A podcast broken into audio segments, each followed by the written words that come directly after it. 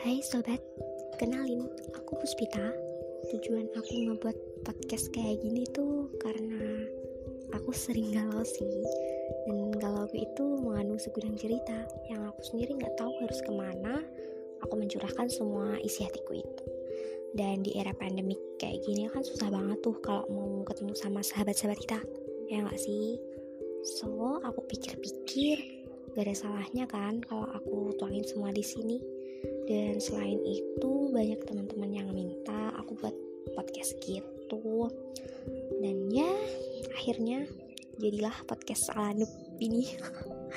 Btw teman-teman makasih loh ya udah mau mampir dan dengerin aku. Arigato